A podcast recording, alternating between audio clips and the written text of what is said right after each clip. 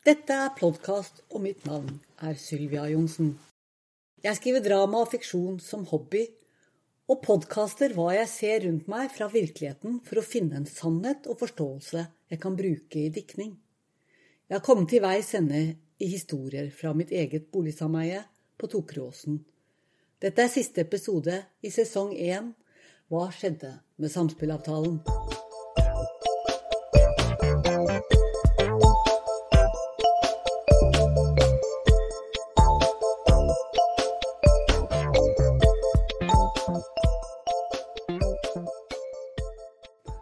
Først vil jeg slå fast hva regelmessige lyttere sikkert har forstått. Denne serien kan ikke svare på spørsmålet hva skjedde med samspillavtalen? Prosjektet for garasjehus bestilt av sameiene Tokeråsen, Tokerudlia og Tokerutoppen ligger fortsatt aktivt på nettsidene i Oslo kommune, selv om styreledere i Tokeråsen og Tokerudlia, de som bestilte bygget, skrev brev til alle seksjonseierne 16.12.2021 at de hadde avsluttet prosjektet.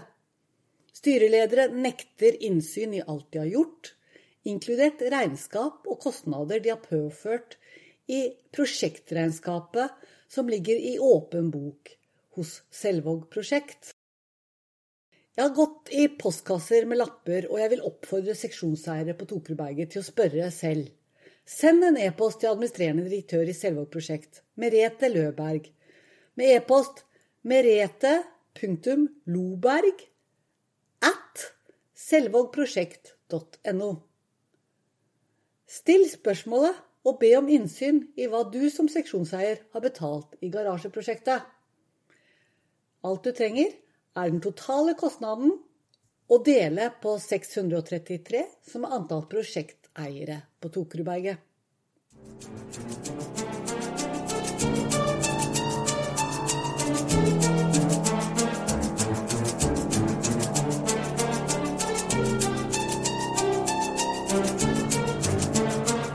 Er det mulig at prosjekteiere ikke vet hvorvidt de har gjeld og forpliktelser i garasjehuset hver og en eier med de andre seksjonseierne på Tokerudberget? Gjeld styret tar i et sameie, kan havne som individuell pant på hver og en enkelt leilighet. Denne kommer da i tillegg til hva du personlig har lånt i banken. Gjeld som tilhører boligselskapet blir betalt over felleskostnader. Og hvert lån skal ha støtte da i årsmøtevedtak for prosjekter med finansiering og tilhørende kontrakt.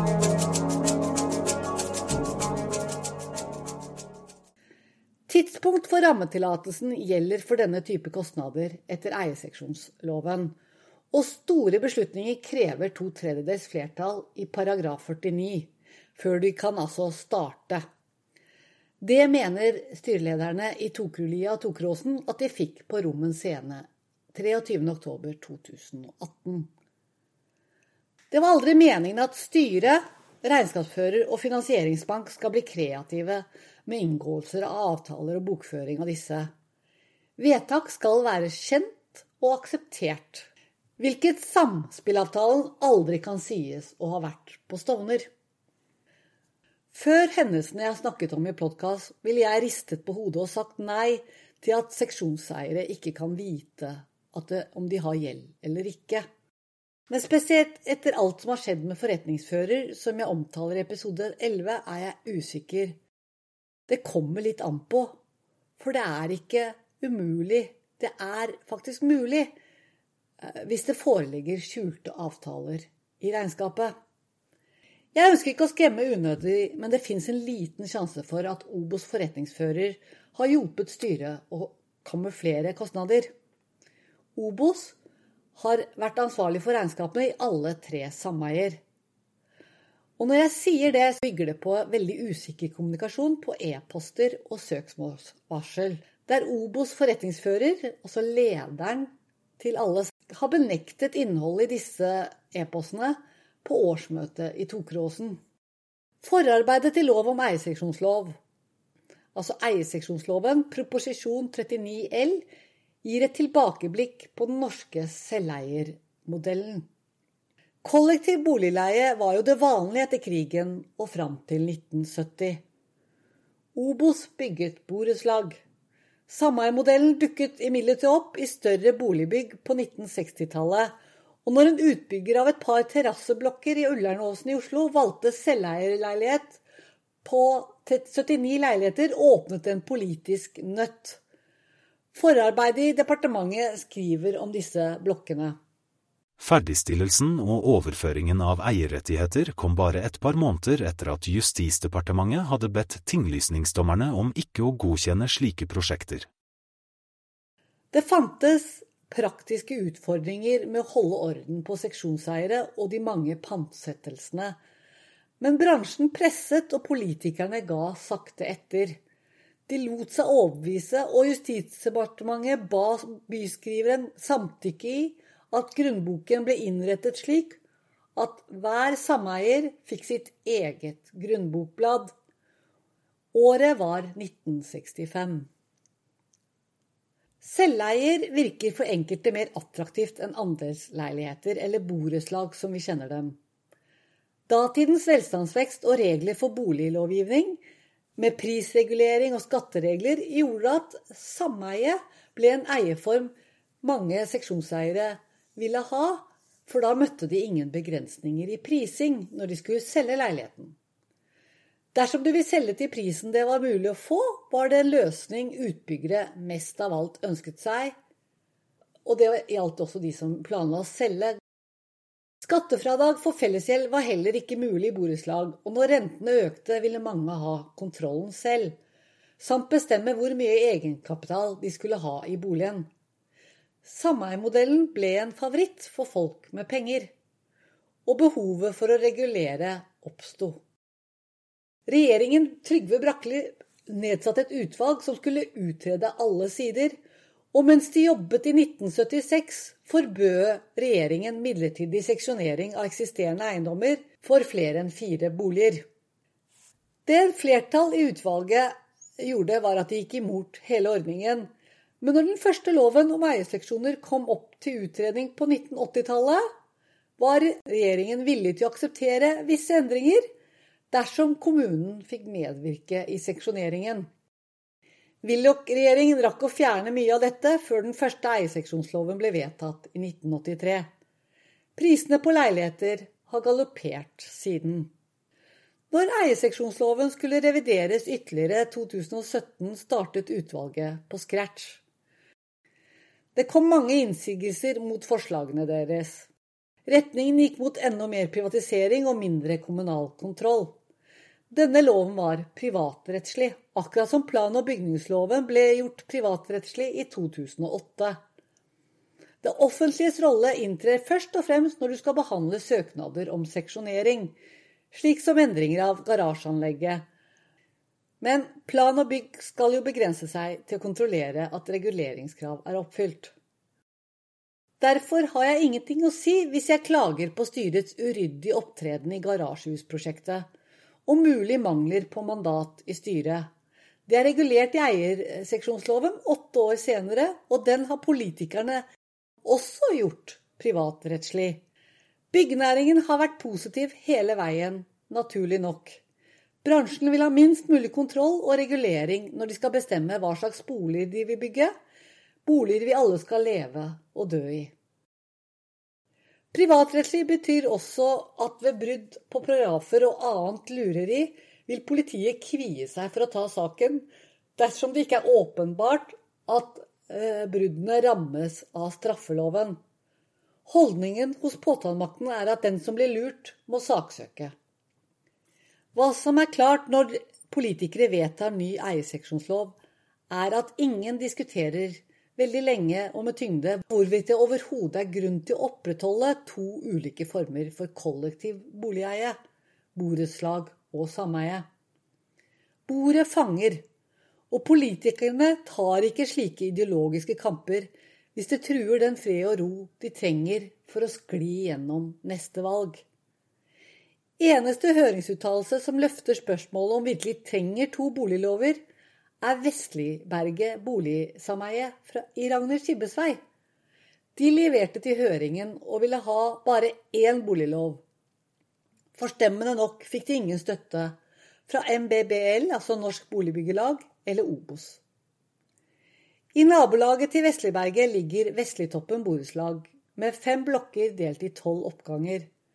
Det er eneste boligselskap som sto imot privatiseringsbølgen på Stovner på 1980-tallet, og som beholdt andelsmodellen. Kanskje det er derfor Vesliberget spør.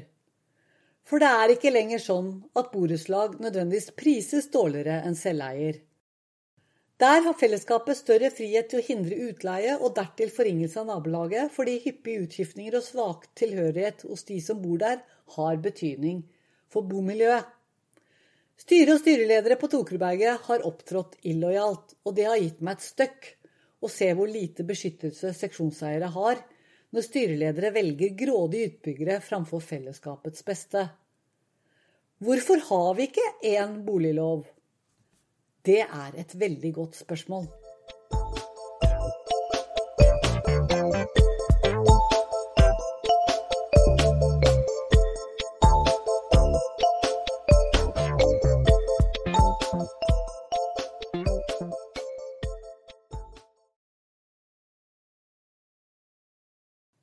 Før jeg begynte å stille spørsmål om samspillavtalen, visste jeg lite eller ingenting om plan- og bygningloven. Og da først etter at seksjonseier tipset meg om at styreleder hadde levert en rammesøknad til Oslo kommune, jeg fikk et krasjkurs på telefonen.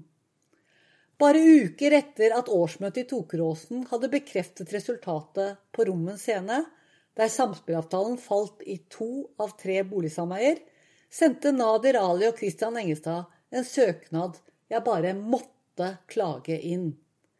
Jeg var i sjokk, men pandemien ga meg tid til å ta tak i problemet når styreleder presset på og ville bygge et garasjehus, selv om han manglet en tredjedel av kostnadene og han heller ikke hadde de nødvendige vedtakene i årsmøter. Men før jeg klaget til Oslo kommune, ville jeg spørre Ivar Solvang hva han tenkte som byggherre om å starte å rive og bygge når de som bestilte prosjektet, ikke hadde alt i boks. Jeg forsto også at det var avtale- og kontraktsfest som disse herrene brydde seg mer om. Ingen av dem brydde seg om eierseksjonsloven. Det er ikke styrene som eier garasjehuset, men 633 seksjonseiere, spredt i tre sameier. Jeg ville utfordre Solvang med hvilken rett han mente å ha etter avtaleloven. Jeg har ledet innkjøpsprosjekter også for kontrakter som krysser grenser og leverer til mange tusen ansatte. Før jeg ringte Ivar Solvang, kontaktet jeg derfor underleverandørene hans, som på nettsiden i Oslo kommune hadde signert ansvarsrett for ulike områder vann, arkitektur, elektrisitet etc. Jeg ville forstå hva de skulle levere, og det var i samtale med dem jeg lærte at klagen jeg planla ville stoppe fordi plan- og bygningsloven paragraf 21-6 om privatrettslige forhold slår fast at Med mindre annet følger av loven her, skal bygningsmyndighetene ikke ta stilling til privatrettslige forhold ved behandling av søknad om tillatelse. Hva det betyr at eierseksloven er privatrettslig, er at dersom det oppstår uenighet om sameie har fulgt lovens krav til årsmøter og avtaleinngåelse, er det mellom meg, seksjonseier, og styret. Oslo kommune kan ikke ha en mening om annet enn hvorvidt søknaden er innenfor reguleringsplaner. Og det privatrettslige prinsippet gjelder også på alle andre områder. Ansvaret for prosjektets kvalitet når det er i størrelsen som gjelder her, nemlig et garasjehus med en kostnadsramme på 74 millioner kroner, ligger hos paragraf 23 et ansvarlig foretak som eier alt som har å gjøre med søknad, prosjektering og utførsel. Det er Selvåg prosjekt på Tokerudberget. De har ansvar for kvaliteten i prosessen, ikke det offentlige. Ansvarlig foretak må oppfylle krav til kvalifikasjoner, pålitelighet og dugelighet, og kommunen skal i henhold til paragraf 21-4 bare behandle søknaden snarest mulig og senest innen den frist som fremgår av paragraf 21-7. Klagen jeg planla når jeg ringte rundt, er følgelig sjanseløs. Men jeg ville ringe Ivar Solvang likevel. Først fordi jeg ønsket å vite om det var mulig å få han til å erkjenne feil etter avtaleretten, men også etter at jeg fikk kunnskap om det nye ansvarsforholdet i plan- og bygningsloven 2008, og visste at søknaden til styreleder Nader Ali og Christian Engestad ble levert på hans vegne. Selvåg prosjekt leder dette eh, initiativet, og dersom entreprenøren vil flytte prosjektet til hva vi kaller utførelsesfasen, var det lett å forstå. Og Ivar Solvang forsøkte det, selv om han i samtalen med meg sa at ingenting er hogget i stein, og antydet at de kunne levere noe annet enn det han nettopp hadde søkt om, sendt over til utførelsesfasen. Etter avtalerett vil det å være i utførelsesfasen gi entreprenøren større sikkerhet for at prosjektet blir gjennomført. Og kostnaden for å stoppe arbeidet øker betraktelig for bestillere. Det er derfor styreledere løper Selvåg Prosjekts ærende når de leverer denne søknaden 3.7.2020. Hvorfor beskytter de ikke seksjonseierne bedre? Det er seksjonseiere på Tokerudberget de skal beskytte, og ikke male oss inn i et hjørne det er vanskelig å komme ut av, og betraktelig mye dyrere. Bare advokater tar slik risiko der et styre bestående av seksjonseiere ville stoppet og tenkt seg om kanskje tatt beslutningen tilbake til årsmøtet for endelig og avgjørende behandling. Dager etter at årsmøtet i Tokeråsen har sagt klart at et fjerde garasjesameie og en forutsetning i samspillavtalen falt på Rommet scene, så gjør de dette. De leverer en bestilling på et toetasjes garasjehus. Ivar Solvang vil starte rivingen i slutten av august, men styreleder forstår raskt det er ønsketenkning. Da starter de å lyve om hva de har gjort. Jeg vil aldri forstå eller respektere valget styreledere tok sommeren 2020, men jeg har akseptert at de dreit seg ut på tidspunktet.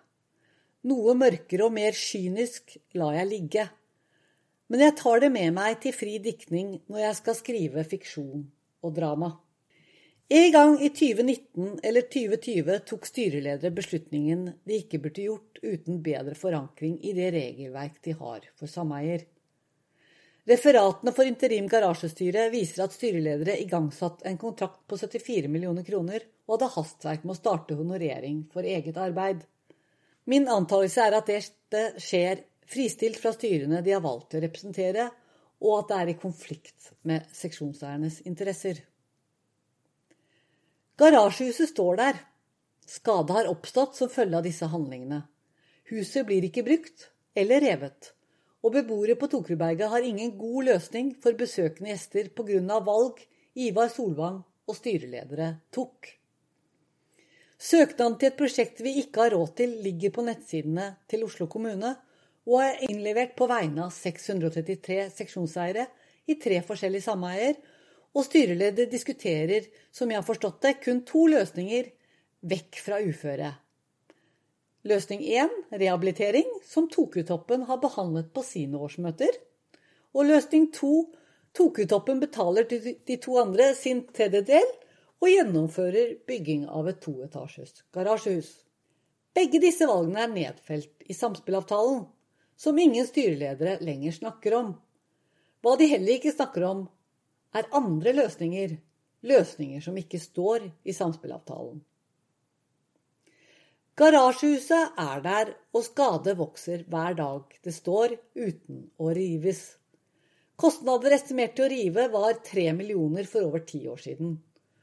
Og det er bare to millioner kroner når Selvåg prosjekt vil rive sommeren 2020.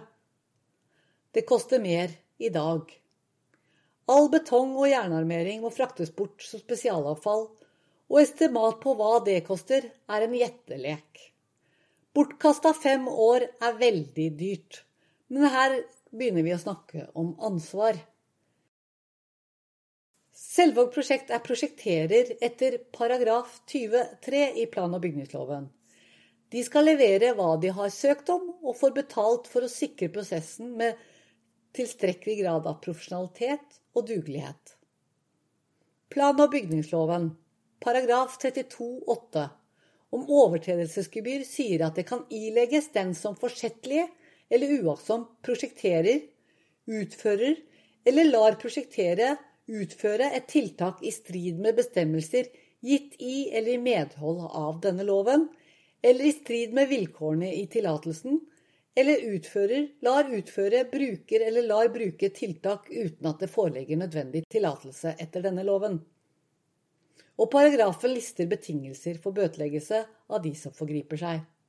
Paragraf 32-9 oppgir straffansvaret, og det er for forsettlig og grovt uaktsom opptreden bøter eller fengsel inntil ett år dersom overtredelsen er vesentlig. Ved grove overtredelser kan fengsel bli inntil to år. Dette er en komplisert sak.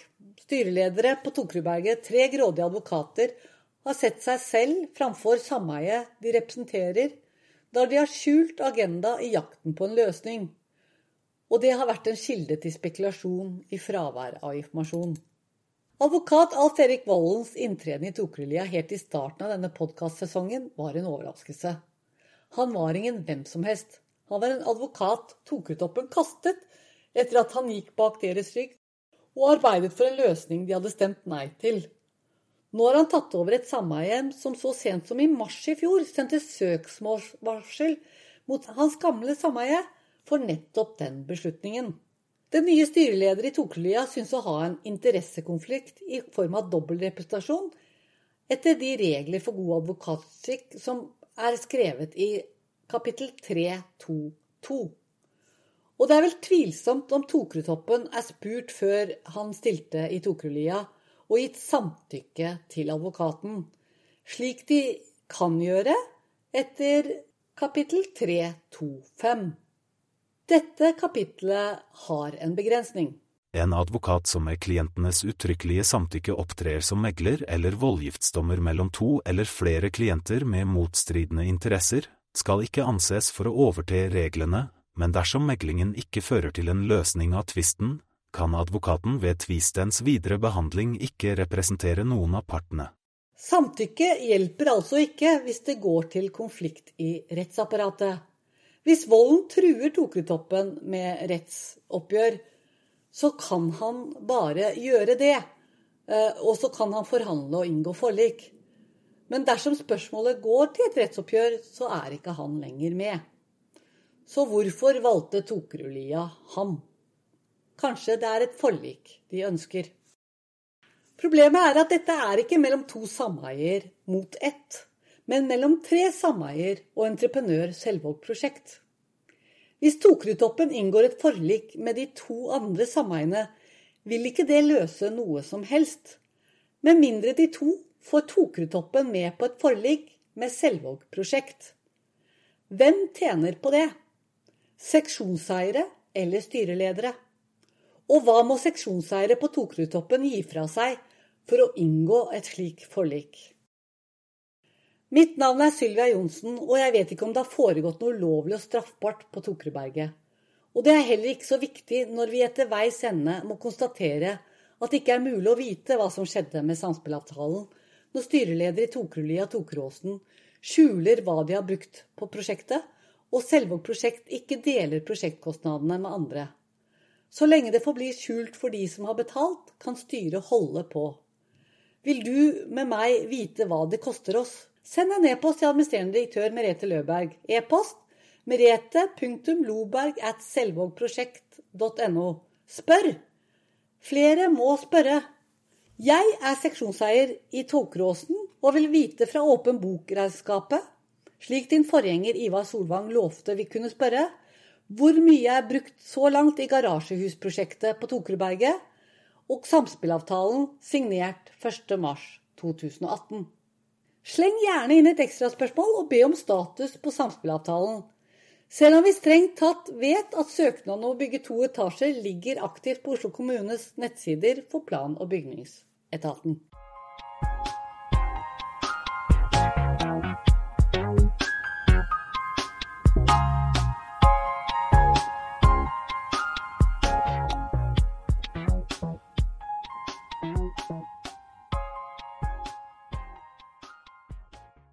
Valget for bystyret og bydelen er over. Kommunevalget 2023 har sagt sitt, og vi vet ennå ikke helt hvordan det vil gå. Jeg vet ikke om jeg får tillit til å fortsette for mitt parti i bydel Stovner. Miljø- og bydelskomiteen MBK i bydelen har vært interessant sted å lære mer om bolig- og nabolagsbygging. Men like mye i denne perioden har jeg lært fra sameiet og avtalen styreledere på Tokertoppen signerte med selve prosjekt, at det er mye politikere kan ta fatt i. Problemer med hyblifisering er et stort og ekte problem på Stovner. Når jeg leser om forarbeidet til eierseksjonsloven, og hvordan utvalget som ville privatisere loven mest mulig, foreslo ubegrenset ervervsmuligheter i et sameie, og hvor nære de faktisk kom til det, så blir jeg litt redd. Det var en fullstendig kapitulasjon til utbyggere og boligspekulanter. Offentlig utbygging skal ikke skje for å gi bolighaier fritt spillerom, men sikre boliger og bokvalitet til en befolkning som sårt trenger det. Utvalgets råkapitalistiske tilnærming før loven ble vedtatt, tok delvis tak i hyblifisering da fire stortingsrepresentanter fra Oslo, ledet av Jan Bøhler, troppet opp i departementet og ville ha dem til å se på forslaget en gang til, før loven ble vedtatt. De ville stoppe hyblifisering og eiere som gjør store leiligheter om til små hybler. Skrekkeksempelet som alarmerte disse politikerne, hentet de fra Tokerudtoppen sameie. Her har de slitt med dårlige eiere lenge. Eksempel har en av landets fremste eksperter i eiendomsrett, en jusprofessor i Nord-Norge, eid to leiligheter i Tokerudtoppen som han har delt opp i små biter. Han er en, et skrekkeksempel på dårlig naboskap, og han bruker altså en håndlanger på stedet som går rundt og krever husleie fra en neve med østeuropeiske håndverkere dyttet inn i små rom. En av professorens disipler jobbet i utvalget for eierseksjonsloven. Og de gikk altså for full liberalisering og ingen begrensninger i hvor mange leiligheter en eier kunne eie. Kun etter politikernes inngrepet endte Stortinget med å vedta en begrensning tilsvarende den som var i borettslagsloven, på to leiligheter per sameie. Selvsagt gjør det noe for bomiljøet at leiligheter blir utleid av semiprofesjonelle som vil tyne mest mulig fra leietakere, og betale minst mulig for å opprettholde omgivelser og vedlikehold. Farene for brann, slitasje på kloakk, bråk og konflikter når flere blir dyttet inn i mindre rom, er jo ikke så rart. Hva politikerne ikke gjorde med i siste runde før eierseksjonsloven ble vedtatt, var å begrense fullmakter du kan ha på årsmøtet. Frittstående boligforvaltnings interesseorganisasjon, FBIO, foreslo en slik begrensning, ettersom det er mulig i borettslagsloven. Men de fikk ikke støtte, selv om departementet svarte ullent. Når jeg ser hvordan fullmaktene er brukt i Tokråsen, beklager jeg politikernes naivitet, og hvordan beboere i sameie er fullstendig blottstilt i sameiedemokratiet fordi regler ikke er de samme i to boliglover. Tokerudberget på høyden over Stovner senter er det mest erketypiske med Stovner. Boligselskapene er relativt store, deltakelsen på årsmøtet lav, mange seksjonseiere er passive, og litt for mange leiligheter har blitt til sekundærboliger, utleid mer eller mindre av privatpersoner. Samtidig er det viktig for meg å påpeke at Stovner er et veldig fint sted å bo. Bydel Stovner ble bygget på begynnelsen av 1970-tallet, og du merker reguleringen fra den tiden. Ingen bydel i Oslo har større grøntområder. Og blokkene har god avstand. Og da tenker jeg spesielt på de flotte grøntområdene på Haugenstua, der lys, luft og gress viser hvilken skam som ligger over utbyggingen i de nyeste utviklingsprosjektene i Oslo. Beboere på Økeren og Løren har brukt millioner på å kjøpe luksusleiligheter, men de har ingen sted å være ute. Og det gjør noe med deg når du åpner vinduet på soverommet og ser rett inn i vinduet i blokka ved siden av. Sånn er det ikke på Haugenstua. Misnøye med boligprosjektet nærmere sentrum har blitt såpass stort at Obos har sett seg nødt til å gå til ansettelse av en egen nabolagsvakt for å engasjere og få med seg beboere. Beboere har fått et eget lokale som er satt av, der de kan sitte inne og ha quiz eller spille monopol, fordi en lang tur i skog og natur er utelukket hvis de ikke tar T-banen eller buss til bl.a. Stovner. Konflikten i mitt sameie har vært en vekker. For på den ene siden vet jeg at bomiljøet på Stovner, med sine mange grønne små og store lunger, nærhet til marka og T-bane, Stovner senter, idrettsanlegg og et veinett bygget for å skjerme friluftsområdet, er en luksus som kan gjøre bydelen til en av de beste i hele Oslo. Kolonihagene på Haugenstua lyser opp tilværelsen, og er en skamplett til politikere som sa ja til å bygge såpass stort og tett på Økeren, midt i en trafikkmaskin. Jeg vil gjøre hva jeg kan for å sikre at mitt parti, Rødt, fortsetter å stille strenge krav til kvaliteten i boligprosjekter, og tar et klart standpunkt når nye boligområder bygges i Oslo. Utbyggere skal ikke få diktere hva byen trenger. For 50 år siden var det politisk forståelse for at selv enslige har krav på to rom og en veranda. Reguleringsplaner stoppet utbyggere som ville teppebombe byen med små ettromsleiligheter de kunne selge til hvem det måtte være. Det er ikke en politisk oppgave å lage reguleringsplaner for boligspekulanter, kun ute etter å tjene penger på andres mest grunnleggende behov for å bo og trives der de er. Politikere skal ikke bidra til å bygge slum. Kravene vi stiller til oss selv, må gjenspeiles i kravene vi stiller til andre. Men først og fremst vil jeg ta tilbake kontrollen i boligpolitikk og ha lover som fungerer, de få som har hva jeg i episode 10 kalte fuck you money for å saksøke, har en udelt fordel når lovverket privatiseres og myndigheter skyr unna alle konflikter som kan løses i rettsapparatet. Det offentlige må ha verktøy for å korrigere urett, og de må tørre å ta valg for kvalitet i beslutninger. Hvorfor skal alle lover som har å gjøre med boligpolitikk, være privatrettslig? Det gjør befolkningen til gisler for pengeinteresser i hva som trolig er deres største og viktigste investering i livet.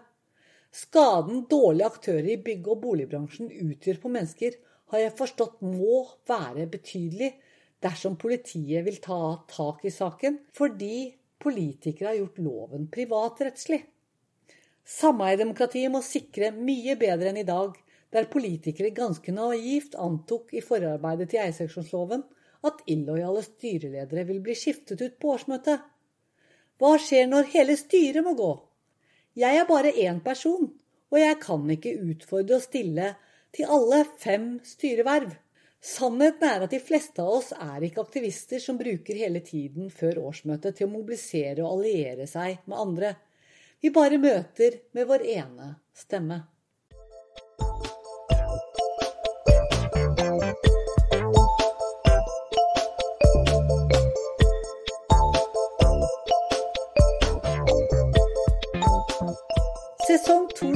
I Plottkast kommer neste år, og det vil ha ny tematikk. I likhet med denne sesongen jeg avslutter nå, vil jeg bruke virkelige historier for å skape drama og jeg skal fortelle mer om temaet jeg har valgt i sesong to når denne nærmer seg. Jeg har jobbet mye med plott og hendelser, og brukt hjernebarken og satt den i sving for å hjelpe meg til fri diktning. Kontinuerlig vil jeg jobbe mer kreativt med de prosjektene som er i gang. Så hvem vet, kanskje jeg kommer tilbake om samspillavtalen. Denne sesongen vil nok ikke inspirere en romantisk komedie. Jeg vil jobbe videre med en true crime-fortelling.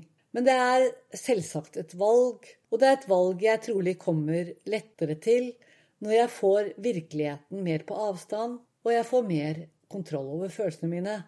Kanskje det er flere svar.